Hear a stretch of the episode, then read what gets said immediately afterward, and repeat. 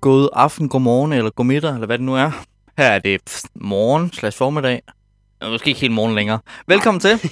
Velkommen til øh, Brætspilsklubben på Aarhus Radio. Vi er en podcast. Vi er seje. Jeg hedder Jakob. Jeg hedder Jonas. Ja. Wow, sikke en intro. Ja, vi er seje, er vi ikke? Jo. øh, hvis jeg står med at snakke på et tidspunkt, så er det fordi, jeg har ondt i halsen. Så, øh, og øh, ikke kan snakke mere. Så må Jonas tage over. så vil jeg prøve at fylde den ud. Skal jeg starte med lige at snakke lidt? Snakke om, hvad, hvad skal vi i dag? Og introducere dagens program. I dag, øh, som du måske har set på titlen, hvis du ved noget om det, vi skal snakke om Dominion, og derefter, vi skal snakke om deckbuilding. Deckbuilding mechanic. Det er faktisk, tror jeg, første gang, vi tager et øh, mechanic sådan helt fat i. Det har vi ikke gjort før, har vi? Mm, havde vi ikke noget worker placement på et tidspunkt? Nej, det vil vi bare snakke om. Det kommer. Nej, så det var første ja, gang, ja. det er første gang, øh, at vi, vi laver sådan på den her måde. Det er også første gang, at det sådan er lidt tilbagevendende, fordi vi har jo snakket om Dominion før. Ja, og derfor kommer den først nu, fordi at øh, vi skulle lige have Dominion lidt på afstand. Hvis du hører vores Dominion-episode, så er du med på, hvad vi snakker om. Hvis du kender Dominion, er du med på, hvad vi snakker om. Hvis ikke, så er du helt lost. Så nu, øh, nu, nu, skal, du, nu skal du komme med her. Deckbuilding. Øh, deckbuilding er en mekanisme i brætspil, designerbrætspil, der er opfundet i 2008. Den nyeste, sådan store mekanisme. Den er opfundet med Dominion, nemlig. Øh, ja, deckbuilding er... Øh, deckbuilding skal adskilles fra deck construction. Deck construction er det her med, at man laver et dæk på forhånd, øh, tager sit dæk med og spiller det. Det gør man i Magic, det gør du i Hearthstone, det gør du i... Netrunner, det gør du i Doomtown, det gør du i Game of Thrones, The Card Game, det gør du i... Altså, Jeg pegede på dig, fordi du skulle komme med nogle spil, som folk kendte. Så nævnte du nogle mere obskure spil, end jeg havde i gang i. Godt, Jonas. øh, Ma- Magic er nok det spil, øh, Ja, jeg tænker altså sådan, de der ting. Yu-Gi-Oh! Pokémon-kort. på. Ja tak, der var Ja, der var de kendte spil. Øh, deckbuilding er også meget kendt. Nogle folk har aldrig spillet det. Men hvis du aldrig spillet deckbuilding, man, man starter med et dæk, der for det meste ikke er særlig godt. Øh, så trækker man for det meste næsten altid fem kort. Det er nærmest en konvention. Man trækker nogle kort til dæk. Spiller nogle af dem. Øh, bruger dem til at gerne få nye kort. Flere kort. Så man så lægger en discard pile. Sammen med de kort, man har trukket og spillet. Og så trækker man en ny hånd. Og er klar til næste tur. Eller trækker en ny start. Men jeg tror, jeg tror, det er altid, man trækker en ny hånd i slutningen af tur. Det tror jeg også. Det er også smart, for så kan man sidde over i sin næste tur, og ikke skal sidde og... Ja, trækker man en ny hånd, så er det de andre spillers tur. Når man så har spillet hele det igennem, blander man det sammen og begynder at trække nye kort. Og så er det, det er forhåbentlig blevet bedre, end første gang man var igennem det. Ja. Er det ikke deckbuilding i en nødskal? deckbuilding er, at du starter med nogle lortekort og får nogle bedre kort ind, og så bygger du lige så stille Dit det dæk op. bliver, øh, dit kortdæk bliver bygget op i løbet af spillet. Ja, og det er så der, den adskiller sig fra deck construction, som var det, vi snakkede om før, fordi der kommer du ligesom med et færdigt dæk. Hele, hele mekanikken i deckbuilding er at få lov til at bygge dækket. Øhm. Ja. Og hvorfor var det så, øh, vi nævnte Dominion? Som Jacob jo snakkede omkring, det er fordi, at Dominion er det spil fra 2008, der i sin tid vandt øh, Spil de Genre, og øh, i sin tid opfandt øh, deckbuilding-genren. Mm, og det er faktisk ikke særlig meget Dominion, vi skal snakke om i dag, fordi som sagt, det har vi haft en episode om. Det vi gerne vil snakke omkring, det er, men hvad der så egentlig er sket efter 2008? Hvordan er den her mekanisme blevet udvidet, og hvordan er den blevet implementeret andre steder i over flere forskellige spil? Så nogle af de ting, vi kommer til at nævne, det er, at vi skal snakke omkring et spil, der hedder Ascension. Vi skal snakke om et spil, der hedder Star Realms. Vi skal snakke om øh, Arctic Scavengers, som sådan deckbuilding-spillene. Så skal vi snakke om øh, kort om noget, der hedder A Few Acres of Snow og City of Remnants, som er nogle area control game, der har implementeret den her deckbuilding mechanic. Så skal vi snakke om dice building, som er deckbuilding med dice, det havde du nok gættet. Og så kommer der en masse honorable mention og nogle lidt random spil til slut, som vi Og, spytter og lidt så ud. prøver vi lave en opsummering om, øh, om deckbuilding til sidst. Ja, så Ja. Vi, og vi håber på at gøre det her alt sammen under en time. Så, Ah, måske, måske en time og 10 minutter. jeps. Øhm, nu har jeg sagt, at vi ikke skal snakke særlig meget om Dominion. Men, men vil du lige tage øh, det to minutters rundown af, hvad er Dominion? Jeg vil gerne lige tage to minutters rundown af Dominion. Ja, Dominion, som sagt, det er det her dækbillespil, hvor du køber nogle kort og bygger et dæk større og større op. Det, der så er specielt ved Dominion, det er, at den måde, du egentlig vinder Dominion på, det er ved at øh, få et rigtig godt kørende dæk. Og derfor køber du nogle pointkort, så du så på dit dæk. De gør ikke noget, udover at du vinder spillet med dem, men de slår dit dæk ned. Og så havde, og så øh, i Dominion, der lagde der 10 kort, eller der ligger der 10 kort ude på bordet, og det er de 10 kort, du kan købe i løbet af spillet. Altså 10 bunker af kort. Ja, 10 bunker af kort, Øh, øh, og, og Dominion har Øh, hvis man har basespil, så har man 24 forskellige af de, der kan være 10 der. Man kalder dem Kingdom-kort.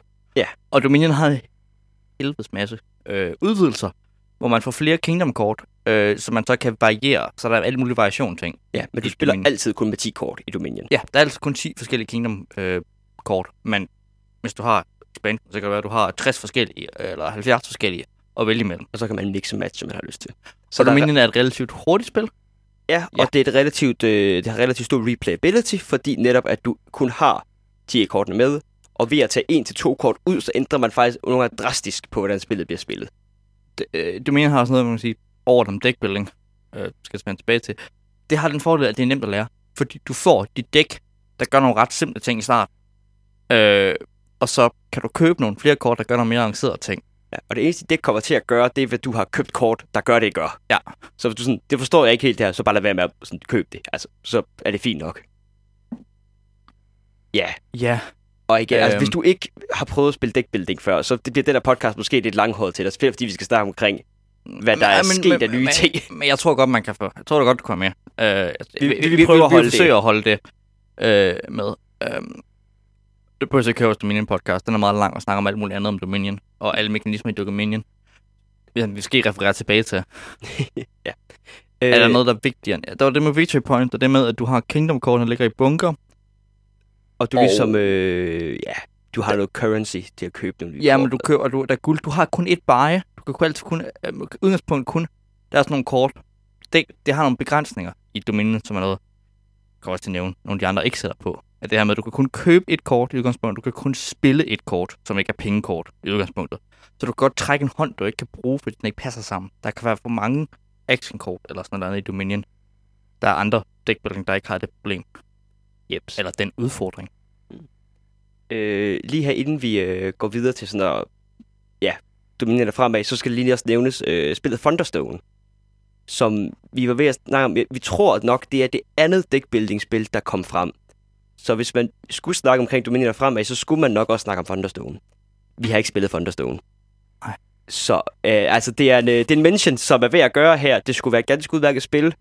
Øh, det skulle ændre lidt på formlen, men da vi ikke snakker om det, så springer vi lidt elegant hen over det. For der er noget med, at man skal, bygge sin, man skal gå ind i en dungeon og bygge sine folk og sådan noget. I stedet for, Ja. at man bare skal score nogle point ved at bygge et konge. Et middelalder, søvde middelalder kongedom. Jeps. Søvde renaissance Så, så altså igen, det, det er værd at spille og nævne, men, nævne her, men det kommer vi ikke videre ind under.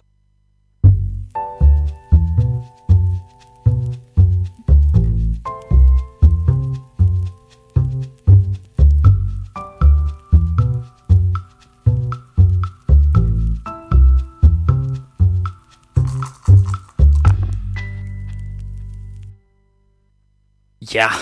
Øhm, skal vi sige Ascension? Ascension? Så, så vi starter med at snakke om Ascension, ja. Eller hvad er det, man lige udtaler? Det der med at stige op i himlen. Ascension. Øh, i Ascension, der er du ikke, der er du ikke kedelig pseudo middelalder konge men der er du en eller anden øh, manga-troldmand. Øh, anime-troldmand, der som store monster for at forsvare din verden mod dæmoner. I en artstyle, der øh, Er weird. Ja, men jeg tror, det, jeg tror, den forsøger at kombinere sådan noget manga med... Det er ikke rigtig manga. Men tænk lidt noget, sådan noget overdrevet manga-stil. Øh, med, øh, hvad hedder sådan nogen? Blyindfattede rudermalerier, sådan noget, du ser i kirker. Ja, kan, øh, nej, ja, øh, så, sådan en mosaik. Mosaik, øh, ja. glasmosaik øh, stil med... Ja, det er weird, det er over top. det du forsvar. Men du spiller det på den måde, at du... Øh, det er et deckbuilding-spil. øh, der er to ressourcer i det. og Øh, det er jo så allerede den første gang, det der adskiller er, sig fra der Dominion. er, noget, der er to ressourcer. Der er øh, military might, slå, slå kraft, plejer øh, eller sådan noget at kalde det. øh, te- Teo power, øh, og, øh, og så er der øh, mana, eller hvad det nu hedder, man kan få. Øh, der er også, i, i modsætning til Dominion, der har det her øh, setup med de 10 Kingdom-kort, gør Ascension, som nogle af de andre også gør, at øh, man har en bunke med kort, der er så et kort, eller sådan to kort, du altid kan købe. Der er også nogle kort, du altid kan købe Dominion. At du kan, Øh, ja. der er altid øh, pingkort og victory-kort i Dominion, der er i setup, ikke? Ud af de 10 kingdom-kort. Her er to basiskort, du altid skal købe. Men så ligger der ude midten i center row, øh, ligger der fem eller seks kort, jeg kan Ja. helt huske det, som man så kan købe fra. Øh, og når en af dem bliver købt, eller tævet, fordi du har tævepower, så køber du et kort, så tæver du kort og får point.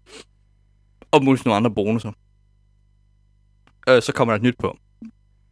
Ascension har ikke nogen begrænsninger på, hvor mange kort du kan tæve eller købe, og mange kort du kan spille. Der, der er altid, du ved, når du spiller dine kort, så får du altid noget ud af det. Yes, yes. Øh, der du sidder aldrig med, med døde kort på din hånd, du ikke kan spille, fordi at du ikke øh, har flere actions, øh, modsat Dominion. Du kan godt sidde med kort, hvor du sådan, okay, jeg har kun to mana den her tur, jeg har ikke rigtig lyst til at købe den der to mana øh, ting, men du har stadig fået dine to mana. Ja, ja. Altså, så du har haft muligheden for at gøre noget. Ja, ja, det var så bare, så kan det være, at du taget noget sejt natur, fordi så fik du en masse øh, military might.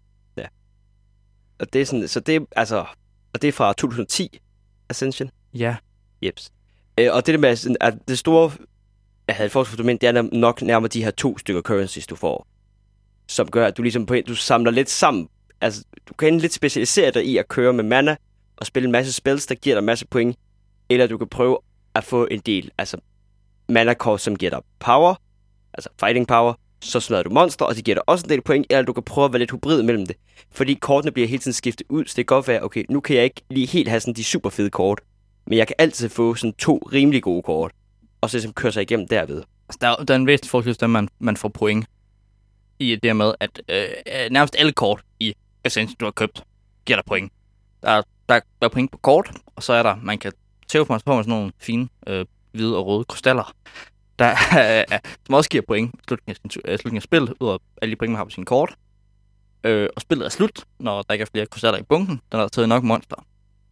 Så du bygger din her af magiske troldmands fingre, øh, at nu du lige er, øh, op, og, øh, og så tæver du monster fra øh, en anden verden af, en ond verden. Du er den gode verden, de er den onde verden. Prøv at se på dem, de ser onde ud. Så der er en helt anden, altså sådan, der er ikke nogen dæk, du, du kan ikke købe nogen kort, øh, der bare fordi de giver point, og er, øh, Ja, du, du får ikke nogen altså, ubrugelige kort, som kun giver dig point. Alle dine kort giver dig point, og alle dine kort er brugbare. Ja. Så du klotter ikke bare dit dæk op med pointkort i den Ja. forstand. Øh, det har så også øh, på det med at klotte dæk op. Dominion er også tit med det her med, at man, ens- man starter jo tit med et dæk i dækbuilding, der ikke er super godt. Man vil gerne af med nogle kort.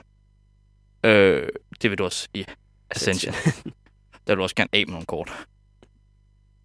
ja, det er Ja. din startkort. Øhm, man vil gerne trash nogle af sine kort helt ud af sit dæk og sådan noget. Ja. Altså, jeg ved ikke, om vi har, altså, om vi har så meget mere at sige til Ascension egentlig. Altså, Ah, skal vi, nu kan jeg lige snakke lidt om, altså, øh, som dækbuilding er det, det gør ikke. Øh, spillet er synes jeg, udmærket. Har noget lidt spændende tema. Øh, jeg synes virkelig, artwork er grimt. Jeg kan egentlig godt lide det, men øh, jeg, altså, min kæreste synes, det er helt, helt forfærdeligt. Øh, og hun er kunsthistoriker, så, øh, så det kan godt så det kan godt være, at hun har det bedre i C-stand end mig. Jeg, jeg, kan, jeg, jeg synes egentlig, det, det er okay. Jeg, godt, jeg, jeg ser også jeg gør øh, påskøn, hvor de er på vej hen med den her øh, weird øh, glasmusik-stil. De kunne måske have gjort den bedre og flottere. Øh, ja. Øh, det er også et spil, du heller ikke helt nødvendigvis skal spille fire spillere, fordi det tager så lang tid at spille det dæk igennem. Ja. Øh, det er jo så med, at du har et center deck, der bliver ved med at give de samme kort. Gør også, at du ikke har den samme replayability, den samme variant fra spil til spil. Og så noget med, hvor meget dækket kommer ud, men så mange kort er der heller ikke i det dæk. Du har forskellige udvidelser med forskellige dæk og sådan noget. Men det har ikke den samme øh, variation og replayability, som Dominion har. en anden ting, der er nævnt, det er også det, at der er jo nogle af de her, de her kort, i du køber, som øh, kortene har factions. Nå ja, det er rigtigt. Og Øh, Factions kommer derinde allerede. Ja, ja som, øh, hvor der er nogle af dem, de bonusser med hinanden. Det kan tit betale sig at gå lidt efter og få nogle ting, der passer sammen. Øh, jeg kan ikke huske, hvad de hedder. Mexen eller sådan noget. Det hedder de ikke. Nej. Fordi, fordi Meg er en type af kort. Øh, ja, det kommer vi også til at snakke omkring i Star Realms. ja, Netop. faktisk, faktisk det går op for mig, hvor super meget Star Wars mener om øh, Ascension. Bare, øh, bare, bare øh, mere, øh, hvad hedder det? Slim, slim og, og, og fedt, og øh, hvor du øh, angriber hinanden og sådan noget. Der er nogle andre ting i det. Men helt, altså det der helt sammen med, at du har. Ja, altså, jeg tror, jeg tror både Jacob og jeg er lidt i omkring, vi synes måske faktisk, at Ascension er noget kedeligere end Dominion. Ja, altså jeg, jeg, jeg, jeg vil ikke an... Nå, Vi er ikke, vi er ikke en, øh, øh, vi er ikke en anmeldelsespodcast, men ah, Ascension synes jeg måske godt... Øh, hvis du virkelig kan lide artworket, så, øh, så køb det. Men øh, Og jeg vil måske sige, hvis du faktisk skal købe Ascension, så skal du måske prøve at købe sådan øh, iPad-versionen. Fordi den findes også som, øh, Ja, og så der du finder ud af, hvor lidt spil der egentlig er i Ascension, fordi Ja. det bare er, er, er lidt klonky og tager det noget tid. Måske er det det Dominion. Der er meget upkeep i nogle af de her spil, uden nødvendigvis er så meget. Men Dominion er hyggeligt på en anden måde end... Og Dominion har noget mere variation, og du har nogle flere kombinationer. Du har nogle vildere kombinationer, synes jeg også i Dominion. Du kan have nogle flere power turns, når du trækker den rigtige hånd. Du har mindre tilfældigheder, tror jeg også, i, fordi det er virkelig også, du kan have de gode dæk, hvis de bare ikke... øh, Så kommer det store monster, du skal tæve bare ikke. Eller så kommer det store monster, og så tager du din tævekort den her tur og sådan noget. Så er din, ja, og så er der nogle kort, der ligesom rydder nogen i midt rowen, og sådan, så fjerner din modstander nogle af kortene, og sådan. Ja, altså Ascension er fint nok, hvis jeg skal sige det. Dominion er godt. Jeg kan godt lide Dominion. Det da godt, ved Ascension er fint nok, ja. Skal vi lige nævne Star Realms også? Ja, det synes jeg, øh, vi skal. Øhm, fordi det, øh, hvis nu bare lige kører den, Star Realms i forhold til Det er faktisk det, du skal købe i stedet for øh, øh, Ascension. Ja, øh, fordi Star Realm er, øh, det har også, altså Center Row, som Ascension har, det har også øh, noget fighting power og noget altså købekraft. Øh, men i stedet for ligesom, at din fighting power går til at købe halvdelen af de kort, der er på Center Row, så slår du din modstander. Fordi Star Realm er et to-personers deckbuilding game. Et duelspil. Et duelspil nemlig. Øhm, og så det Star Realm også har, det er, at den har øh, baser. Så udover at du ligesom bare har kort, du spiller en tur, og så forsvinder de, så kan du også bygge sådan rumstationer op i Star Realms. Så du kan faktisk, ja, så du kan faktisk næsten altså bygge de galaktiske imperium op igennem det her, samtidig med, at du køber kort, samtidig med, at du angriber dine modstandere, samtidig med, at du får flere Det kort vil ind. så sige, det, det rumstation der, det er et mekanisme, de har for Ascension. Er det også det? Der har du øh, mixene. Dem, øh, den, Nå, ja, det er rigtigt nok. øh, øh, mix forbliver jo i spil, i, øh, indtil de bliver... Øh, ja, der kan, så, så kan de ryge ud. Altså, der er der, der kan du tæve dem, ikke? Hvis Ja, man ja. har spillet... Øh, ja, ja. Men altså, i Ascension, der er det kun én faction, Mexene. Nej, fordi Mix er ikke en faction. Er det sådan, det er? Mix er nemlig ikke en faction. Det er simpelthen faktisk, jeg spiller øh, Ascension. der er en faction, der er meget glad for Mix, men alle factions har Mix. Der er, Okay. ja, der er sådan en Mix-faction. Øh, dem, der er rigtig glade for... Jeg tror, det er Mechanicus eller sådan noget. Mechanicus Mix. øh, men det er ikke alle øh, Mechanicus-kort, der er Mech. Øh, og det er ikke alle Mech, der er Mechanicus. Okay, det er så, det fungerer, ja. Ja. Ja, Og det er så... Øh, Mix er vist også fra... Jeg har... Det essens, jeg har, er ikke det oprindelige essens. Essens findes i mange forskellige variationer, ligesom øh, Dominion gør. Hvor du også kan have forskellige dæk. Du kan også blande to dæks og spille dem sammen og sådan noget. Øh, men jeg tror, det er, det er den, jeg har, hvor Max kommer med. Det vil sige i Basis Ascension. Ja, okay, ja. Øh, men ja, måske for lige at prøve at afslutte Star Realms. Altså sådan, Star Realms gør øh, egentlig ikke sådan så super meget andet end Ascension. Udover at jeg måske vil sige, at det gør faktisk det, at det er et to-personers spil. Det er meget mere strømlignet. Jeps, og det er derfor, så det, er meget, altså det fungerer meget, meget bedre som et duelspil, fordi det prøver ikke på, at du skal have flere spillere med ind. Det er sådan, du skal have de her to spillere, hvis de kæmper mod hinanden, spiller noget bedre designet, øh, lige for at få en øh, lille mulighed for at plukke de her designer. Det er jo to gamle øh, Magic Hall of Fame-spillere, der har øh, designet Star Realms. Øhm, så det er også nogle folk, der i lang tid har spillet øh, competitive to-personers kortspil. Og det kan man godt lidt mærke på Star Realms. Det er ret godt designet, ret strømlignet, som Jacob her- siger. Wars har også det her med, øh, med factions, øh, hvor at, men, at det er ligesom meget udpræget, at der er nogle kort, der har en del kort. Alle kort har en faction. Øh, nogle kort, der har faction bonus, du kan spille dem sammen, så de er endnu bedre sammen. Ja, det vil sige, hvis du spiller et øh, Imperial kort, så gør den én ting. Hvis du spiller dit andet Imperial kort, så gør begge dine Imperial kort én ting plus Imperial bonusen.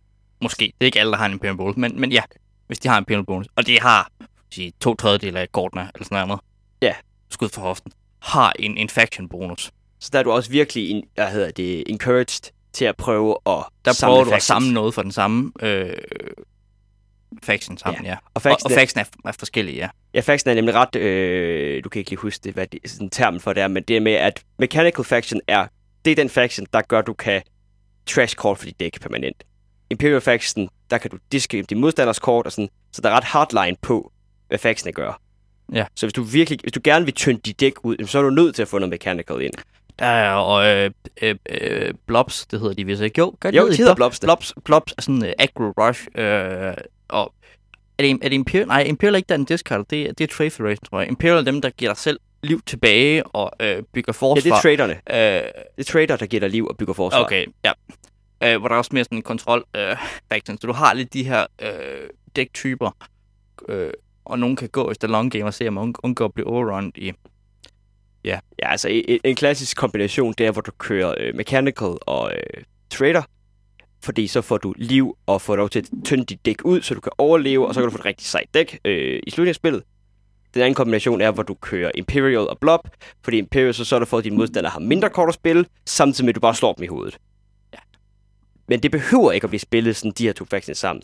Og du behøver ikke kun at spille to factions. Altså, Heller ikke sikkert, det er det, du kan, når du... Øh, Nej, altså det, fordi igen, du har de her 5-6 kort, du på Center Row, som du kan købe af. det er da rigtig vigtigt. Ja, nej, sorry. Altså, du kører bare videre. Det er da rigtig vigtigt at nævne med Starland. Det er spiltiden. Det tager 10 minutter. Ja. Øh, det kan så variere lidt. Ikke? Det, øh, det kan måske også tage 5, faktisk. Altså sådan, ah, du kan spille lidt på under 10, hvis, du, øh, hvis den ene øh, rusher den anden ned. Ja. Øh, Øh, og øh, hvad 10 hedder det? kvarter. Jeg tænker selv sådan boksen af Star Realms er cirka på størrelse med tre spil, altså normale spilkort ja, ja. bokse. øh, så du der, kan have den med i din lomme, faktisk. der er ikke noget fluff. Det er, øh, det er bare nogle kort i en Ja. æske. Øh, derfor er det også meget billigere end Ja. øh, mange andre de spil, vi kommer til at nævne. Vi skal nævne også, eller jeg vil gerne nævne, øh, Hero Realms, som øh, er de samme designere som Star Realms. Øh, hvor de har prøvet at... Virkelig? Hero Ja. ja. og Star Realms har Ja. det samme design. Ja, det er de samme. Og, det, og, og øh, spillet er virkelig nærmest bare det samme spil. Øh, men nogle andre, øh, i hvert fald i basisudgaven af det. Det siger de så. Øh, jeg har ikke prøvet at spille med mere end to spillere øh, i Hero Realms, men det skulle gå op til fire. Jeg synes ikke, det er så godt balance i to spillere udgave, men det kan være, det er balance til 3-4 øh, spillere i stedet for. Øh, det kan også være, at jeg bare øh, tager fejl. Og, for jeg tænkte bare, ah, det må være meget bedre balance. Nu har de jo lavet Star Realms og lært af det. Øh, det ved jeg ikke helt, om det er. Hero Realms, det kommer en lidt større æske. Øh, øh, ikke en meget større æske. Det er så et fantasy-tema i stedet for et sci-fi-tema. Øh, der var forskellen egentlig måske også ligger i spillet, udover at de måske har tænkt på det for flere spillere, op til fire. Øh, man kan også slå to af spillene sammen og spille op til seks spillere. I, og man kan spille alle klassiske Magic øh, Nå, er multiplayer-formater, øh, som er øh, Two-Headed Ogre, Emperor, øh, Chase, øh, alt der. Man kan tydeligt se, at det er Magic-spillere, der har øh, lavet de i, hvad alle de her multiplayer-formater er. Øhm, det der er, det er, at når Hero der, jeg ved, at udvidelsen til det, gør, gør, noget, gør nogle sjove ting, fordi de giver nemlig det, at man, du køber øh, udvidelser af forskellige hero classes, som er forskellige startups, man har, giver dig en eller anden power, og måske nogle startkort til dit dæk. Jeg har kun lige læst om det. Jeg har ikke selv øh, Øh, prøvet det, men det er sådan noget med, at man starter på bestemte måder, og har ligesom spilstil lagt lidt frem for sig, ved at spille forskellige heroes. Skal så have to heroes, for at begge to kan spille en. Øh, ja, Ja. ja, ja, øh, altså man skal købe to udvidelser. Der er også noget med, at det, øh, så vidt jeg lige forstod, at man kan spille det i øh, co-op, hvor man spiller mod et boss-dæk, som er en af tingene i det, øh, som er sådan plan. Der skal ske nogle andre ting med Hero Realms, end bare Star Realms øh, almindelige ting. Så det skal ikke bare være Star Wars øh, 1,5 et eller andet. Det, Nej, det, det, skal lidt, det, det, skal have sin egen identitet. Og det er det måske også balanceret, og kortpoolen er bygget lidt efter, at, øh, at man skal have de her forskellige. udvidelse, ja. Det er nogle gode spil. Øh, Ja. ja. Hurtigt, billige. Øh, man kan måske få spillet dem igennem, men det er fordi, det tager 10 minutter kvarter. Ja, igen, altså det spille har spil af igen på samme måde ikke den samme replayability øh, og variation, som Dominion har, fordi du har ligesom alle kortene i spil igennem Center Row. Men det gør ikke noget i Star Wars, netop fordi Star Wars bare er et mindre spil end Dominion. Du, får, du får hurtigt set, øh, du får hurtigt set alle kort i Star Realms. Altså, ja. øh, eller Hero Realms, den her skyld. Det er der, jeg tror måske derfor Star, Star Wars slipper afsted med det for mig i forhold til Ascension, fordi Ascension ligesom gerne skal, også skal have den store boks og sådan. Gerne det skal være et Dominion, bedre Dominion, hvor Star Wars, Star Wars prøver egentlig ikke at være et bedre Dominion. Star Wars prøver at være det her to-person deckbuilding game, som er et lille tight design, som, var, som de nemt fik kickstartet og sådan, som bare nemt kørte igennem. Ja, det er nemlig super tight. Du kan også spille computer. Kan vist ikke helt anbefales nødvendigvis. Det tror jo, jeg har faktisk spillet en Har du spillet en del? Ja, jeg, køb, Du bliver træt af det? jeg blev træt af det, men det, Du spiller mod AI, og det er ikke nødvendigvis særlig smart. nej, det er et spil, Øh, der øh, shiner meget mere, når du spiller med, en, øh, med et menneske. Sjovt nok. Så at have nogle venner. Altid så for nogle vinder, når du skal spille brætspil. Ja, Øh, Star computer, Realms computer er, er, ikke særlig gode at spille mod. Star Realms er for... AI er så øh, dumme. der er din fucking... Hvis nogen vil høre, hvor meget Ja- Jacob ikke kan lide AI engang, men så hør vores Civilization-afsnit, hvor vi har snakket om computerspil, og hvorfor computerspil er noget lort spilsted, som strategispil, fordi AI's ikke kan spille dem. Jeps. Det var opsummering af min uh, 20 minutters rant over uh, AI'en i Civilization. det skal lige nævnes her, at Star Realms er fra øh, 2014, så det er også øh, det er seks år efter Dominion er kommet ud. Ja, og det er også derfor, jeg tror på, at det godt taget noget mere inspiration. Jamen, det, har, det har taget mere inspiration for Extension, tror jeg nærmere. Ja, det tror jeg også, det har. Ja. Er også, der er også noget fantasy og vildt, og det er sådan noget, sådan noget Magic-spillere kunne finde på at spille. øh, fordi de har lidt samme tema. Så sjovt, de startede med Cypher og ikke Hero Realms. Det er da godt være, de havde en sci-fi øh, Ja. fetish, skulle jeg til at sige. Cypher. Bare fordi det lyder godt. Nå. Det sidste øh, deckbuilding-spil, vi lige skal snakke om øh, i sådan helt Ja. klassisk deckbuilding. Øh, Take it away, Jonas. Det er en af dine yndlingsspil, det her. Jeps. Arctic Scavenger. Øhm, det er fra 2009, så det er altså kun et år øh, efter Dominion er udkommet. Øh, og dog synes jeg, at det har gjort så mange federe ting, end Dominion har gjort. Øh, vi skal starte med det, det allerfedeste, de har gjort ved Arctic Scavenger. Problemet med Dominion og Ascension øh, og en del andre sådan deckbuilding-spil, det er, at jeg spiller min tur, køber nogle nye kort, og så kommer de i mit dæk, og så har jeg det sjovt. Men jeg har det kun lidt sjovt med mig selv. Jeg kan spille nogle få angrebskort, som sådan lidt irriterer modstand, men der er egentlig ikke sådan super meget player interaction. Det er lidt bare at spille mit eget spil. I Arctic Scavenger, der har du to ture, hvor der er fred. I tredje tur, fordi du er i en arktisk øh, ødemark, så skal du slås omkring de her ressourcer. Det vil sige, at du er nødt til at overveje. Øh, du har basic Arctic Scavenger bygger på, at du har en masse, eller du har ikke en masse, du har nogle folk, som alle bor i den her arkti, arktiske ødemark. Og det er ligesom af din tribe.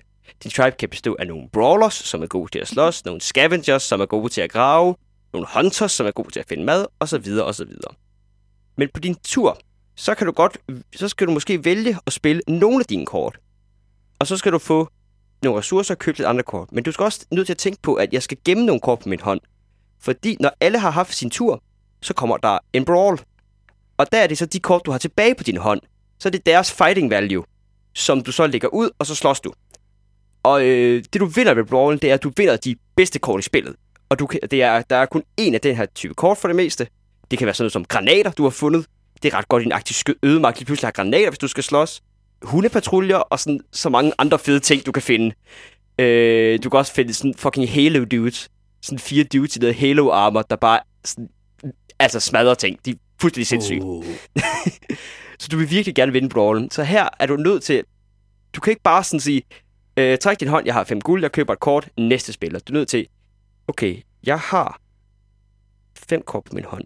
Ham til højre for mig, der lige har haft sin tur, han beholdt to kort. Så han er måske ikke så super meget opsat på at slås. Med mindre, okay, hvad er det, han har købt? Har han købt en del brawlers? Det kan godt være. Så han kan sidde med to brawlers. Det er lidt svært at slå imod. Jeg kan godt vælge ikke at spille nogen kort på min hånd, og så får jeg det ene kort. Men så, spiller jeg, så bruger jeg så hele min tur på det, og så spiller han til venstre for mig. Han kan se, at jeg har gemt hele min hånd. Så han spiller nok bare hele tiden, og køber måske mere, end jeg egentlig får. Der er så meget mere overvejelse på din tur, hvad de andre spillere har gjort, end der er i Dominion og Ascension og whatever. Og det var kun den ene ting, jeg vil gerne vil snakke omkring Arctic Scavenger gør bedre og nyt. Skal jeg lige tage over lidt? Ja, du må gerne er lige tage over lidt. Altså, Øh, jeg er så hype på det fordi, her spil. Øh, men det er også sandt, det, jeg Scavenger. Øh, det er hvordan, vi snakker om det her med, du har Center Row i nogle af dem, du har de setup'et. Altså, der har du, der har du altid nogle bunker, nogle kort, der altid er med. Ja. Øh, Kingdom Kort fra Dominion. ja, men der, der, der, der, er en del af dem, og de er altid de samme, der er med. Der er ikke variation i det. Jeg, ved ikke, jeg har ikke spillet ud, så jeg ved ikke, ud at variere dem. Det er de samme kort, der er. Øh, så er der bunker med de rigtig seje kort, du skal slås over. Og så er der øh, bunken, altså sådan scavenger-bunken. Jeg tror, Fordi det en- Junkyarden. Ja, ja, ja, ja Junkyarden, ja. En af de ting, de folk gør, er nemlig bare at gå ud og scavenger. Så kan du få et kort, der kan være okay. I hvert fald i starten af spillet. Øh, så der er forskellige måder at få kort på. Øh, med forskellige ressourcer også. Fordi det er sådan noget med, hvor god er du til at grave? Hvor, hvor, hvor dybt ned? Og det med, du skal se, du ved ikke, hvad der er i bunken. Men så flere gravepower du har, så flere kort må du se på. Og så vælger du en af dem, den du helst vil have. Jeps. Så at du kan få to kort tur, per tur i... Øh... Ja, for du kan grave dig frem til et, eller du kan få tre kort, for du kan grave dig frem til et. Oh, ja, ja. Øh, og så kan du have hunting power, så du får noget mad. Og så køber du nogle folk, Plus noget medicin. plus noget medicin, hvis du har gravet det frem, fordi medicin skal næsten nemmest altid grave ja, ja, det er frem. derfor, man gider at grave, fordi det er især for at finde medicinen. Øh, og så kan du så også få et kort, hvis du også vinder brawlen. Du gør nok næsten aldrig nogensinde alle tre ting. Men potentielt. Potentielt kan du få op til tre kort.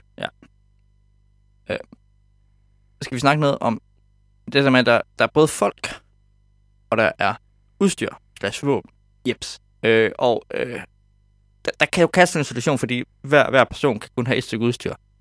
øh, med på en task. Ikke? Altså, man, man, kan, man kan gøre forskellige ting. For eksempel kan du sende din scavenger, som har en digging power, ud med en skovl, som giver plus to digging power. Ja. Men du kan ikke bare sende din skovl afsted, for eksempel. Altså, ja, Ja, ja. du skal have en mand til ligesom at Så styre der på er også det der med, at man kan sidde med en hånd, som ikke passer sammen. Man kan ikke gøre noget med den, fordi der er ikke nok folk til ens udstyr. Man skal sørge for at prøve at holde den rigtige balance mellem udstyr og, og, og, øh, og folk, og være heldig med at trække dem ordentligt. Ikke?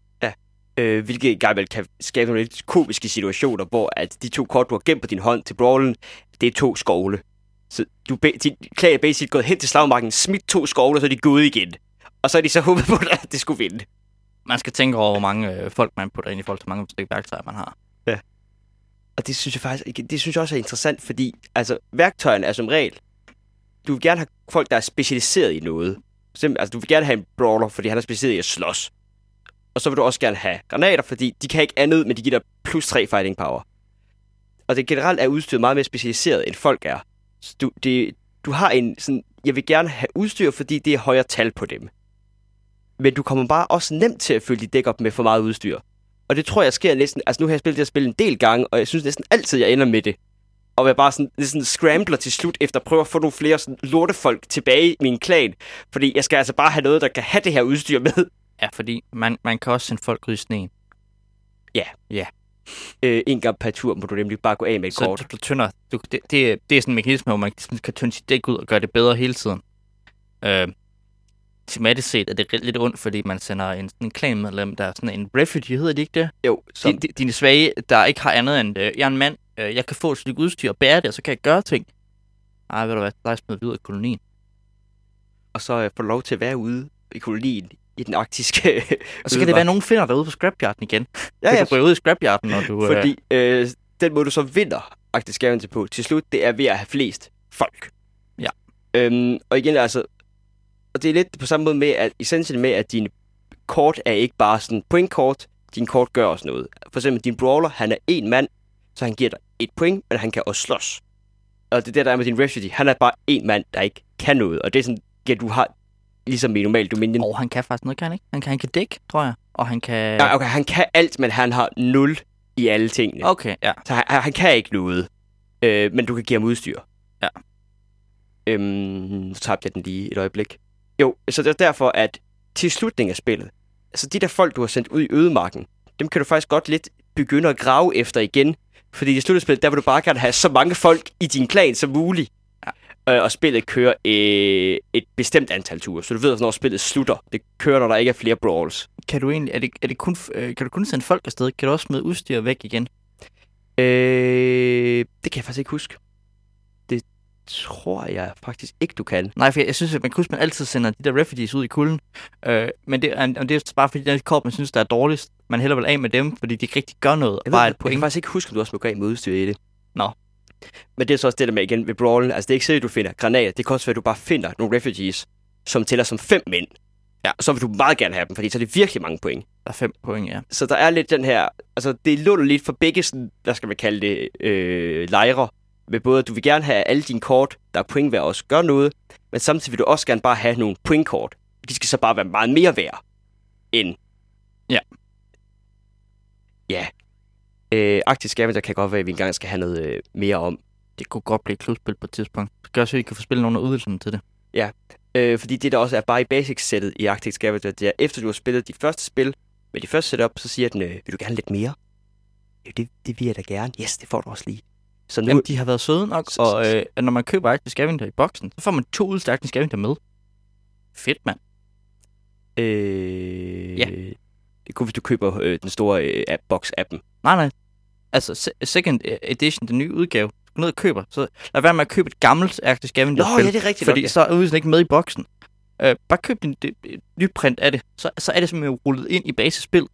Ja, og det er sådan, altså, og, og når jeg snakker udvidelser, det er fordi, der er både sådan små udvidelser, hvor der bare er lidt, okay, nu får du lidt ekstra kort med, lidt ekstra mechanics. Og så var der så altså de store sådan, standalone, eller ikke standalone udvidelser, sådan HQ-udvidelsen, som kom, som gjorde meget mere nyt. Øh, det er lidt besværligt at forklare igen, og nu hvor det egentlig ikke er sådan en super relevant ting, fordi når du køber Active Scavenger, så får du bare alle udvidelserne med. Øh, så det tror jeg bare, jeg Der er en masse, med at snakke og, om. og, men de, de, de er sådan modulære, de der udvidelser. Man kan spille med alle mulige forskellige nye regler og sådan noget. Jeg har aldrig rigtig spillet mange, for jeg har ikke spillet ret meget Active Scavenger, selvom jeg har det. jeg kan godt lide det. Jeg er ikke helt så begejstret, som Jonas er, men der skal også meget til.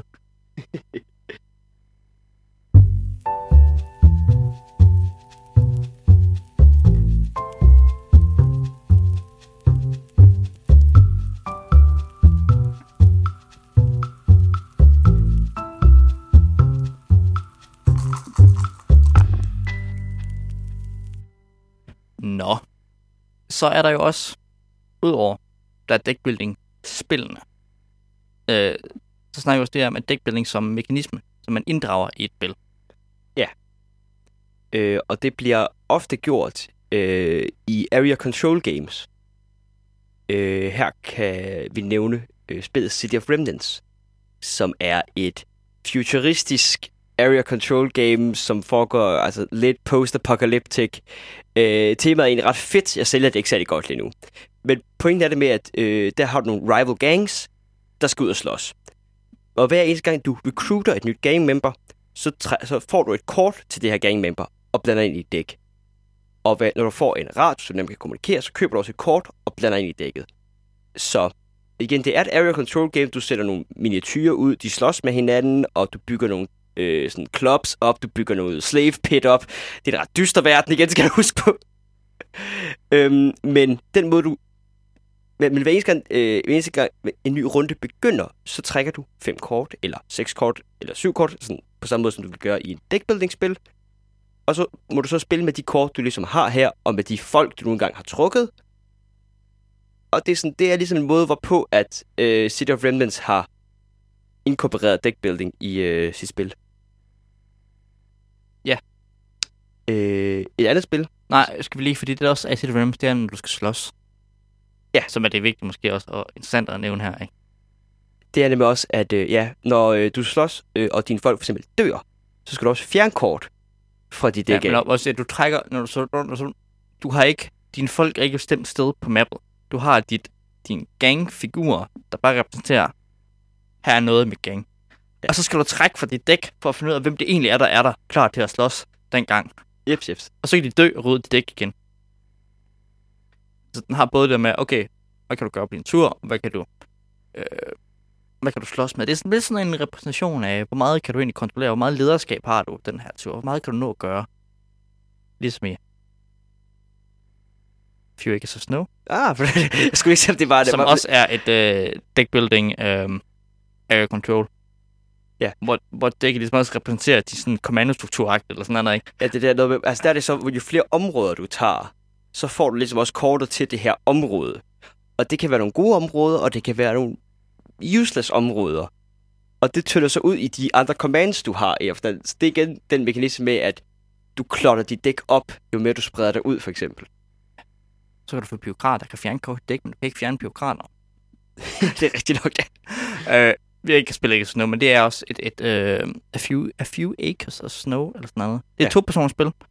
Øh, area control øh, med deckbuilding. Jeg tror ikke, måske lige så meget det er deckbuilding, som det er area control øh, spil. Det kan jeg sige. Jeg ved ikke, hvad balancen ligger. Jeg tror mest alt, det er area control. Okay. Men altså ja, det, det, er, igen, det er en, en, en central mekanik i spillet, på samme måde som Øh, det og er i og City of det handler om øh, krigen mellem, øh, hvad er det, oh, Canada og Er det et eller andet, hvad kan? Canada, og, nej, men ikke Canada, Canada og USA, men det er ikke den, jeg ved det ikke. Eller, eller nej, nej, det må være, den, det må være sådan en fransk-engelsk krig i Nordamerika, øh, en gang i 1700-tallet, eller sådan noget eller andet. Det, det, det er faktisk, det er et wargame også. Øh, Ja, ja, det er er derfor. en kendt wargame designer. Øhm, ja, Ja, altså vi, vi har ikke lige flere sådan... Øh, det er spil, vi skal have spillet en gang. Ja, jeg vil rigtig gerne prøve at spille Few Acres og sådan noget en gang. Øhm, men ud af sådan som mekanik, så øh, nævnte vi også lige, at der, øh, der også er dice building øh, spil, som basisk set bare lidt har taget, hey, hvis jeg nu i stedet for, at jeg, jeg købte kort, kunne jeg så ikke bare købe terninger? Jo, det kunne da godt være. Og så var der nogen, der lidt blev mindblowed omkring det, og synes det var da en virkelig fed idé. Og så lavede de spillet Quarriors. Quar- Quarriors? Quarriors, tror jeg. Quarriors. Øh, ideen er, at næsten alting skal starte med Q, er, øh, fordi, jeg ved ikke hvorfor. Nej, og så slutter på Warriors. Altså, det er Warriors med Q. Warriors. Der er også... Øh, du har også... Øh, jeg kan ikke huske, hvad du har. Der er, noget, der er alle mulige øh, Q-ting. Øh, Øh, jeg spillede Quarriors for lang tid siden. Og kan faktisk ikke rigtig huske så meget af det. Udover det, altså det du har, så har du ligesom en... Så har du på samme måde, som du har i Dominion, men du har nogle kort, der ligger ude. Og så på de her kort, der ligger der så ligesom nogle terninger. Og så fortæller kortet ligesom dig, okay, det her symbol på den her terning betyder det her. Det, øh, det har sådan, altså setupet er også, hvis vi Dominion, at du, lægger, du vælger no, du trækker nogen af de her øh, monster og nogle af de her spells, er det så. Der er to typer af kort, der så er med den her tur. Og det kan så, der er så tre af hver, fordi øh, der er de samme terninger. Øh, dragen har drageterning, men der er tre varianter af drage, der kan være med. Så sætter kortet af de forskellige sider, gør den her tur. Øh, eller hvad special poweren gør, og hvad den koster og sådan noget. Ja. Og så har du dine terninger, som så slår. Øhm, Quest har så noget andet. Der er sådan noget med, at der er både... Der er mana, det hedder det ikke. Power, det hedder et eller andet med Q, tror jeg. øh, det kan altid det spil. Det er jo bare sjovt. Øh, øh, men det kan du så både bruge til at købe nye, men du skal også betale for, hvis du har slået nogle monster, skal du også betale for at ready dem og sætte dem ud på slagmarken. Hvor de så angriber andre monster. Øh, hvis nogle andre har spillet monster ud. Ja. Og, og du vinder Quarries ved, at dine monster er i live en hel tur og kan få dem som point. Nå ja, det er rigtigt. Ja. Øh, så man, man spiller også mod hinanden, fordi man kan slå hinandens monster ned, øh, sådan de andre ikke får point. Øh, og den så er tur, så får du dem, og så ryger det tilbage. Og når du får et monster, så må du øh, også øh, fjerne en terning fra din pool og sådan noget. Øh, det er, jeg synes, det er... Øh, jeg er ikke helt glad for, jeg synes, der er måske nogle balance-ting, og jeg synes, det er det her med, at du har terningerne oveni, plus at du har det her med, at du både skal have, du skal både slå manaen og de gode monster, og, og de gode monsterterning. går du har en drageterning. Jeg ikke se, at den er særlig fed at slå på den side af det. Der er rigtig meget tilfældighed i, øh, i Warriors. Lidt for meget for min smag nok, egentlig. Altså, Ja, for jeg Øh. synes egentlig, at ideen omkring det er meget fed. Ja. Og jeg var også meget hyped om det første gang, jeg spillede det, kan jeg øh, huske. men jeg tror måske, man skulle have lavet knap så meget variation i, hvad terningerne slår, og øh, også det her med, hvad med at kombinere det her med, at du både skal bruge manaen til at ready dine monster, og have dine monster, slå dem og sådan noget, fordi man kan bare slå sin gode terning. Nå, og den natur, den gav mig noget som helst. Altså, det min træ, hvis du træder de gode kort, øh, så spiller du det. Ikke? Øh, Godt altså, trække din gode monster, det er sådan. når du Nå, trækker din uh, Dreadnought i Star Realm, så spiller du den, fordi Ja, det er altid men du kan trække din drage, så slå din mana, øh, eller sådan noget. Ja. Det kan den vist godt. Så er der ikke engang nogen drage den her tur. øh, og det var sådan en svag en, du ikke havde råd til at spille, eller sådan noget. Men ideen med, at man kan lave det, er godt. Man skal bare være klar over, det er, altså, dækbilledet har en del tilfældighed i forvejen. Og det med, at du både skal trække terninger og slå terningerne, gør virkelig, at du får meget tilfældighed, og at din engine bare kan køre. Og du bygger ikke rigtig en engine op med, med komboer og øh, sådan noget i øh, i chorus. Quarriers.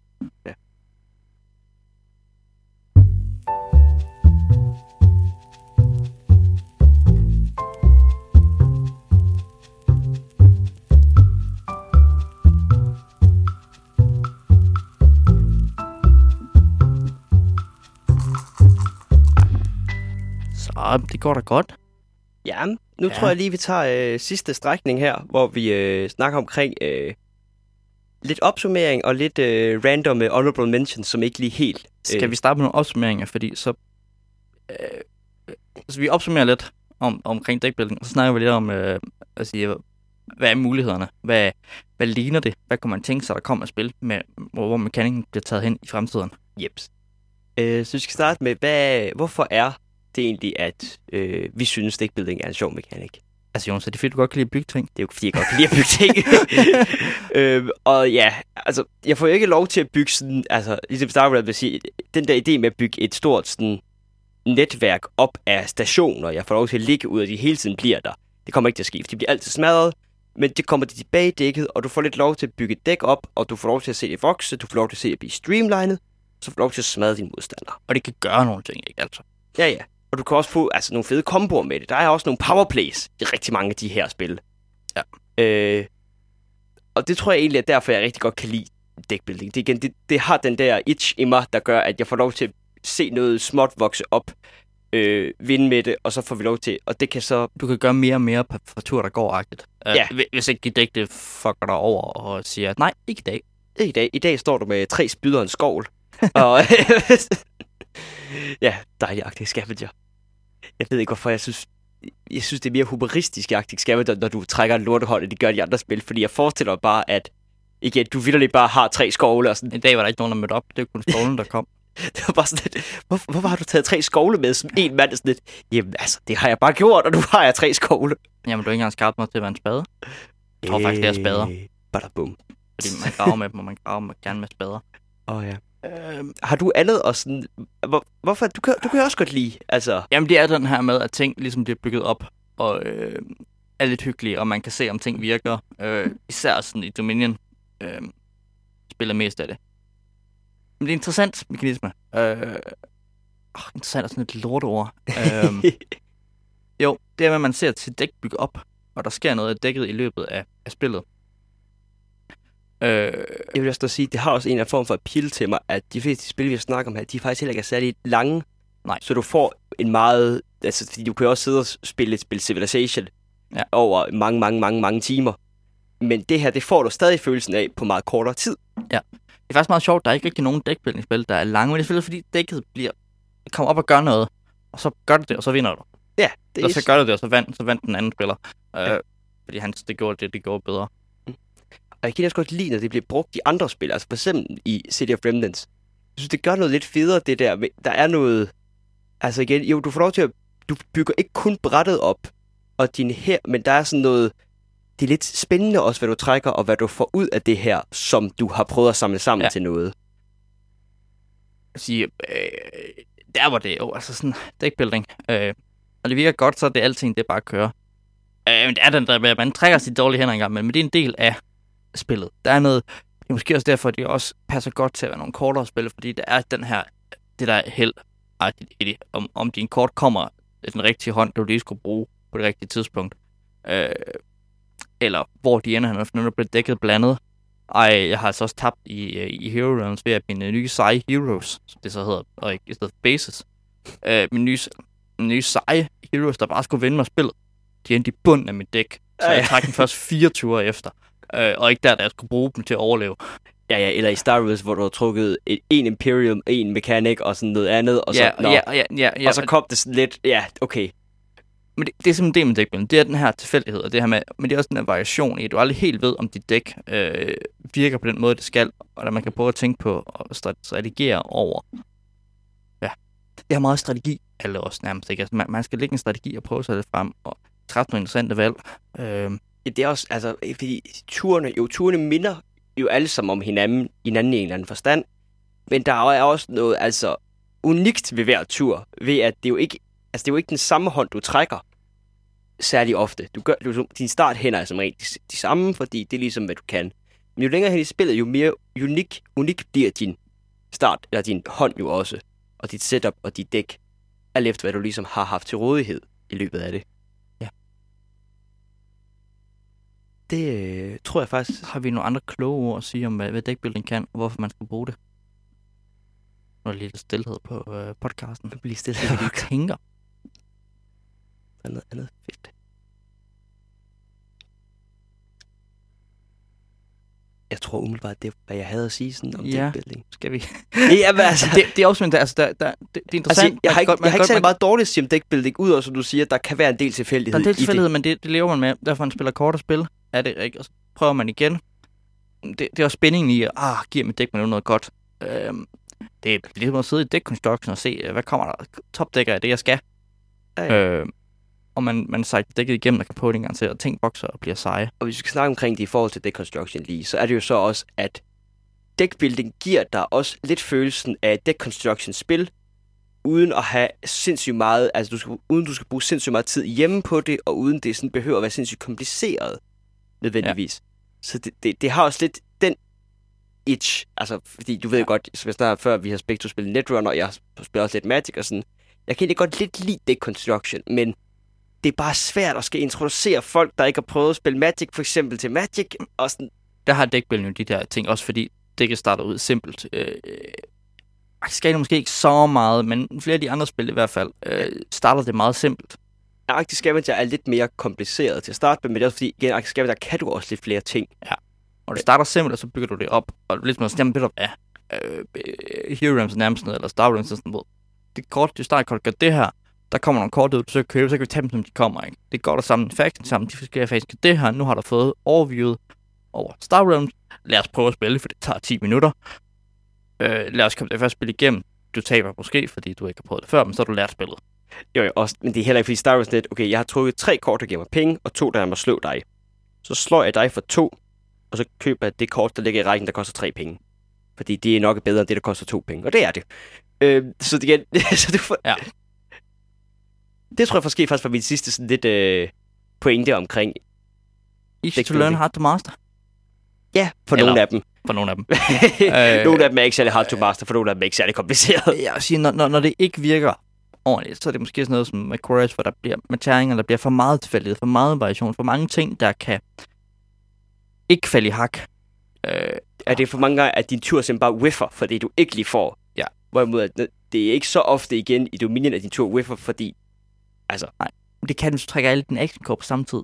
det kan den også godt. Øh, jeg er ikke sikker på, at jeg er helt fan af det her med, at man ikke kun kan spille en action, fordi at det kunne være bare at trække en masse seje action, fordi meget i det så bliver bare at købe en masse guld og Ja. penge, fordi at du kun kan spille Du kan ikke få alle de seje action-kort i spillet, fordi du kun spiller en af dem. Og du gider ikke trække to af dem på en tur, ikke kun spille det ene. Øh, Ja. Som nogle af de andre. Altså, hvor du bare, ja, men hele hånden kommer ud. Altså især i Star Realm Hero Realm Market, der kommer gør tingene sådan altid ned. Går Ja, ja, du ikke helt af penge til at købe det seje, du vil have, men øh, Ja, der, bruger, der smider du ligesom bare hele hånden. Ja. Men du smider den også rafte sådan lidt careless. Altså sådan, det er ikke, så det er ikke vigtigt, hvordan det her bliver spillet i hvilken rækkefølge, og hvad Nej. Der sker med det. Det er jo så det, der er i Arctic Scavenger med, at du vil nok hellere trække nogle nye kort først, for at se efter, om du kan få noget mere gear, så kan du måske dække, eller så kan du måske håndte. Og hvad vil du så derefter overveje at gemme til brawlen? Ja, Arctic Scavenger er det med kompliceret spil, og det er nok også derfor, jeg måske kan lide det noget bedre, end jeg kan lide de andre. Men det er sjovt, at det du rigtig godt kan lide i Dark Scavenger, det er ikke noget at gøre, hvordan de laver deckbuilding. Det er, Nej. noget, det, det er fordi, den har her interaktion i kampen. Ja, fordi Det er faktisk det element, der er det ekstra, ikke? det er brawlen. At, at man, man, man faktisk, må jeg, kan også bedre lige Star Realms, ikke? hvor du også slås med hinanden og interagerer med hinanden. Ja. Du kan, godt, du kan godt lide at bygge ting, men du kan også lide at tæve folk. Det er det sådan, det er, Jonas? Du, det er ikke bare, fordi du godt kan lide at bygge ting, vel? Det er ikke fordi, jeg bare godt kan lide at være tysker og sidde og Du kan, bygge... du kan faktisk du kan også godt lide at bygge din krigsmaskine. Og se den virke. War boys. øh, ja, Godt så. Øh, nu øh, kommer vi lige med nogle øh, lidt øh, til slut nogle øh, spil, som har lidt øh, deckbuilding i sig, men måske egentlig ikke har så meget. måske også det er en deckbuilding spil, og snakke lidt om, hvad... Nå, okay, Jonas. Uh, honorable mentions af deckbuilding-agtige spil, Øh, der, eller deckbuilding-spil, som vi bare ikke har snakket om, fordi vi ikke Ja. kender dem. øh, der skal, hvis vi skal snakke om et deckspil, som øh, skal, skal lave det spil, som vi ikke kender, øh, udover Thunderstone, så skal Core Worlds, øh, som jeg har forstået det, også nævnes. Ved, Jeg har spillet, jeg har ejer Worlds, men jeg har spillet det en gang for uh, halvandet, for et år siden, eller halvandet år siden, eller sådan noget. Uh, Nogen siger, det er godt. Folk kan rigtig godt lide det. Uh, jeg synes, det var godt nok. Det, det, uh, det er så ikke, nemlig. Det er nemlig ikke kort og nemt. Det er, øh, det er sci-fi, og det spiller igennem tre perioder, hvor man kommer det så længere og længere ind mod verdenerne.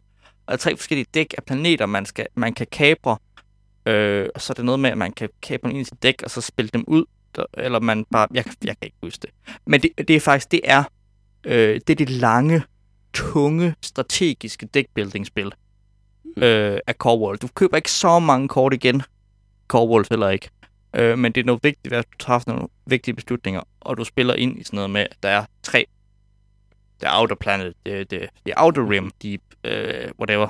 Øh, Middle mid, Rim. Middle, middle Rim og The Core Worlds indtil sidst. Du spiller fire forskellige stationssager. Der er en, der har sagt stakkels galaktiske imperium, øh, som du invaderer, og ligesom mongolerne tager deres krigsteknologi og invaderer videre. Øhm, der skal vi også nævne spillet uh, Trains. Det er, et, igen, det er en af de her area control games, som har valgt, at en af deres centrale mechanics i area control måden er deckbuilding. Har, det har vi heller ikke spillet. Så handler det om tog. Så handler det om tog. Det handler om at bygge togbaner. Øhm, jeg har virkelig gerne ville spille det. Øh, det er bare lidt dyrt. Så hvis jeg lige husker det, at købe det. Fordi det er en ret stor boks med det. Netop også fordi du får sådan et bræt med og sådan komponenter med det. Okay, sådan. ja. Så det er, igen, det, det er en af de spil, der sådan er, ja, deckbuilding og mere i en eller anden forstand. Så er der øh, Mystic Whale. som øh, ingen af os nogensinde har sp- spillet eller set i virkeligheden, men øh, vi ser det på videoer. øh, det gør det, at øh, Mystic Vale har sådan nogle øh, plastiklommer, øh, agtigt. Ens kort er sådan nogle plastiklommer, hvor man så kan slå det forskellige øh, gennemsigtige øh, ark ned i, sådan at man kan bygge et kort op af tre dele ved at sætte tre forskellige af de her øh, gennemsigtige ud. Så der en har kun øh, noget øverst, en har noget i midten, og en har noget for neden. Så man kan sætte sine kort, man bygger også sine kort, bygger ikke bare dækket. Øh, det ser interessant og spændende ud. Øh, i Ja. meka- Mystic Vale gør ikke nødvendigvis, men det er en interessant mekanisme. Det er, det er en mekanisme, at ikke bare bygge altså- dit dæk op, men også bygge dit kort op. Mystic Vale så, ser måske ikke super interessant ud. Sådan. spillet i sig selv er, øh, har ikke de helt fantastiske anmeldelser og super hyped, men øh, ideen med, at man kan... Altså, der, der er noget innovation her, øh, som, som øh, Innovation. Hvis du sagde innovation her. der er ikke noget, jo, der, jeg tror, jeg sagde innovation. Der er noget Okay. innovation her. Der er noget videreudvikling af mekanismen. Øh, Og øh, til slut, så skal vi nævne det spil, som øh, vi også snakkede om sidste podcast, øh, Flamme Rouge, hvor Hvor- vi i slutningen af... hvor ja. vi lidt kom til at, jeg tror det var i slutningen af podcast, eller var det efter, vi havde Eller, snak, eller vi snakkede om Flamme Rouge. Vi snakkede om, at Flamme Rouge faktisk er et... et øh, jo, lige sådan, et dækbuildingsspil. Øh, Fordi der starter du med, du har to rytter, der cykler, og de har hver sit dæk. Men hver gang du spiller et kort for det her dæk, så tynder du ud i dækket. Og hvis din rytter bliver træt, så får du kort ind i dækket. Så det er lidt den modsatte af, hvad du normalt tænker med dækbuilding. Fordi du har en stor stak kort her, og så prøver du at tynde, tynde ud af den. Men det er heller ikke sikkert, at dit, kort, dit dæk bliver bedre af, at det bliver tyndet ud, fordi du kan komme til, eller du kan bruge dine gode kort, og så forsvinder de permanent. Du vil selvfølgelig gerne forsøge at bruge dine dårlige kort først, så du får dine gode kort, du skal bruge dem, men sådan, der er en form for dækbuilding i det her undervejs i spillet, men det fungerer på en helt anden måde, end de andre spil, vi har snakket om i dag. der, der hvor det adskiller sig fra at være et rigtigt dækbuilding, det er, at du ikke køber. Altså, du har ikke en strategi for, hvordan du skal købe nye kort bedre ind i dit dæk. Nej. Men det, det er et dæk, der udvikler sig i løbet af spillet, som er en måde at udvikle mekanismen på. Ikke? Mm. Øh, jeg er ikke sikker på, at øh, det var ikke snart, når vi snakker med Flamme Rouge designeren, hvilket vi gør på et tidspunkt, Er stadig planen, ja. øh, er stadig planen. Øh, vi har en visitkort. øh, Og vi har snakket med ham, og han, ja, der ja, ja, ja, vi, altså, vi, vi har en aftale med, at vi skal interviewe ham på en gang, øh, er, er vores aftale, ikke? Øh, om hvorvidt, altså hvor han selv synes, at han spiller dækbuilding, kunne jeg godt tænke mig at vide. Det skal vi huske at spørge ham om. Fordi jeg synes lidt, at det, sådan, det har noget derhen. Og hvis du trækker fem kort, spiller et af dem, discarder ja, resten, fire kort, ja. eller fire kort, du Yes. trækker nogle kort, discarder resten, ikke? Blander dit dæk sammen igen, når du er dækket igennem og sådan noget, ikke? Yep. Øhm, jeg tror lige, det var sådan alle spillene, vi kom igennem, vi skulle nævnes. Øh, der er så også det der med, okay, hvis man skal prøve at sådan, hvad kan man så gøre måske mere med den her øh, deckbuilding mekanik? Så var der en på et tidspunkt, der foreslog, jeg kan svært ikke huske, du snakker om, du var det en, en lytter, eller Hvad? Nå ja, Nej. du starter med at have et stort dæk. Øh, og det skal så symbolisere for eksempel alle dine soldater. Ja. Så efterhånden, som du går i krig med dine modstandere, så i stedet for ligesom at igen få flere kort i dit dæk, og dit dæk bliver bedre, så bliver dit kort mere og mere exhausted, der mister flere og flere folk, og så er det den person, der taber, der har sådan, sådan 0 kort i sit dæk. Så i stedet for at bygge en maskine op, så starter du med en god maskine, som så bryder sammen i en eller anden Og så forstand. bliver den bedre, fordi alle dine, øh, alle dine grønne øh, dine rookies, frontline de, soldiers, øh, de dør. Det er kun øh, øh, de toffe veteraner, der står tilbage og sådan noget. Men det her med at starte med et, et dæk, der så også kan blive tyndet ud i, eller øh, der er også nogen, der snakker om, øh, nogle designere, der, der arbejder i, at lave dækbuilding, hvor man, hvor man går væk fra den her konvention om, at man starter med et dæk, der ikke er særlig godt, og der er ens. Man starter med forskellige dæk, der faktisk kan noget og gør noget. Det er også lidt det, faktisk, som øh, Hero Realms gør, hvis man køber classes til det. Så starter du med et dæk, der faktisk kan et eller andet, så de lige har forstået det, ikke? Ja. Øh, og der er nogle andre deckbuilding øh, ting, på, øh, man kan sådan de der. Ja, altså for eksempel det, det at lave factions i deckbuilding-spil, så du ikke alle sammen bare starter på det samme niveau, samme kort, og I er alle sammen bare kedeligt blandt. Ja, ja, øh, men også, også at man starter med dæk, der faktisk er fedt, som man ikke vil af med, øh, og så bygger ud fra det, Jeps. er sådan en anden måde. Og det er noget, jeg forudser, der kommer til at være.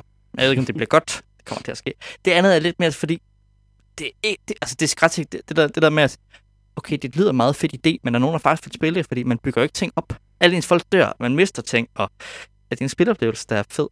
Jeg synes, den lyder interessant. Altså, Ikke bare internet, jeg synes, det lyder spændende, noget jeg godt vil prøve. Øh, men jeg er ikke sikker på, hvor stort del af markedet der er for det. Om det er noget, man lige sælger til en... Øh, nej. Generelt så øh, er jeg ret interesseret i to-personers spil. Så øh, hvis det fungerer, eller hvis Fungerer. du kan lave en kampagne med 4 mod 4, en hel slagmark bliver stillet op. Ja. Der er i hvert fald muligheder. Der er også muligheder for at lave øh, et hele tiden det her med at have... Vi snakker også lidt om, at det her med, nu siger du kampagne, at man kan spille hen over flere spil, have et dæk, man beholder, som... Øh, der er nogen, der gør det i sådan noget øh, mere øh, deck construction-agtigt, hvor man opgraderer sit dæk mellem forskellige øh, spil. Men der er også mulighed for, at dækket kan udvikle sig undervejs i spillet. Ikke? Du, du tager et sår. Okay. Nu er der et... Øh, et wound i mit dæk. nu er der wound i dit dæk, ikke? Øh, faktisk så, sidespor, øh, det nye design af Robo Rally. Ja. Når du øh, tager skade, så får du, øh, så får du øh, kort ind i dit dæk, der, der, der er dårlige kort at spille. Okay. Så det er lidt deckbuilding på den Det- måde der. Det, det det Ja, men altså den der ikke, altså den Jo, jo, mekanisme jo. der faktisk er, øh, jeg tror så, Robo der skal du spille alle dine kort eller sådan noget. Jeg kan ikke huske, næsten alle sammen. Jeg kan faktisk ikke huske, hvordan Robo Rally fungerer. Robo Rally er noget, man, man programmerer en robot, man forprogrammerer den ved at spille nogle kort ned. Men så kommer man også ned til at spille de her kort, der ikke er så gode, og som gør sådan et andet. Ja, ja, det er en random order, det her. øh, fordi man har taget skade. Ja, okay. Men at tage den idé med, at okay, du tager skade, dit dæk bliver dårligt, du finder noget fedt. Øh, øh, hvis det nu er sådan et noget øh, øh, adventure, øh, fantasy. Fantasy. ikke? Du finder noget fedt loot. Så kommer dit nye seje svær ind i øh, din, øh, du rekrutter en ny i løbet af. Men at man også kan, Så tag det videre, måske. Og så kan man måske spille videre i kampagner, og så kan du upgrade og sælge ting imellem.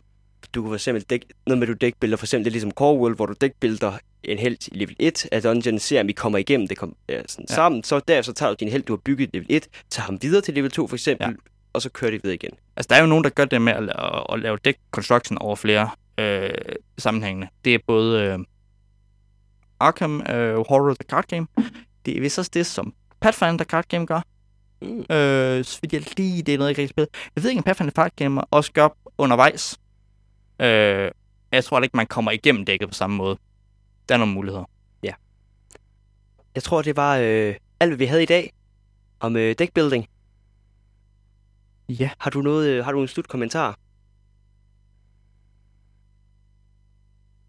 Nej, Jeg kan godt lide at bygge dæk. du går ved med decks. Og, Øh, bare at de skal sidde på biler. Så, øh,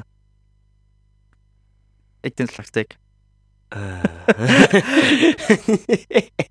Nå, vi siger det, øh, vi siger slutningen. Øh, ja, og du siger, inden vi går, øh, vi skal lige minde om, at, øh, hvad er det? Månedens spil Øh, Race for the Galaxy. skal vi spille, hvornår? Vi skal spille det den øh, 23. Det er om en uge for Ja. os. Og når vi optager det her, ja. Ja, øh, så det er næste udsendelse igen, der bliver Race for Galaxy. Har vi plan for, at vi skal snakke om næste gang? Det har vi, men jeg kan ikke huske det lige nu. Jeg kan ikke huske det. Vi har vist en løs plan, om om næste gang. Vi har en idé. Ellers så øh, kan du finde os på øh, Aarhus Studenter Radio. Ja, find os, uh, like os på Facebook gerne. Det vil vi godt lide. Uh, skriv til os på Facebook, hvis du har noget, du vil spørge om, eller idéer, eller forslag. Vi tager også gerne spørgsmål, lytterspørgsmål. Uh, vi kan prøve så lige at komme ned på vores uh, tematiske, og få tid til at svare på nogle spørgsmål. Det, det kunne vi nok godt finde ud af. Uh, og du kan følge os på iTunes. Og, øh, og hvis du skulle have lyst, øh, som de alle sammen siger, så øh, hvis du kunne lægge en kommentar, så er det Øh, øh, åbenbart det, der tæller og, i øh, algoritmen. et, et, et, godt, øh, et godt review vil vi gerne have nogen af. Hvad skal review os selv, Jonas? uh, vi er også på, hvis du ikke, øh, hvis du sidder på din telefon, som ikke er en iPhone, og gerne vil høre os på din telefon, så er vi på det, der hedder Podcast Addict. Er det det, det hedder? Appen, du skal finde til det. Jo, det tror jeg til, Podcast Addict. Øh, til Android. Ja. som kan køre til Android. Ja. Og der er vi også. Vores gamle episoder, for eksempel det om Dominion, findes i Aarhus Den Radios feed, eller ved at gå ind på vores Facebook-side og, se, og følge linket til SoundCloud. Tak for Tak for i dag. Like og review os på iTunes.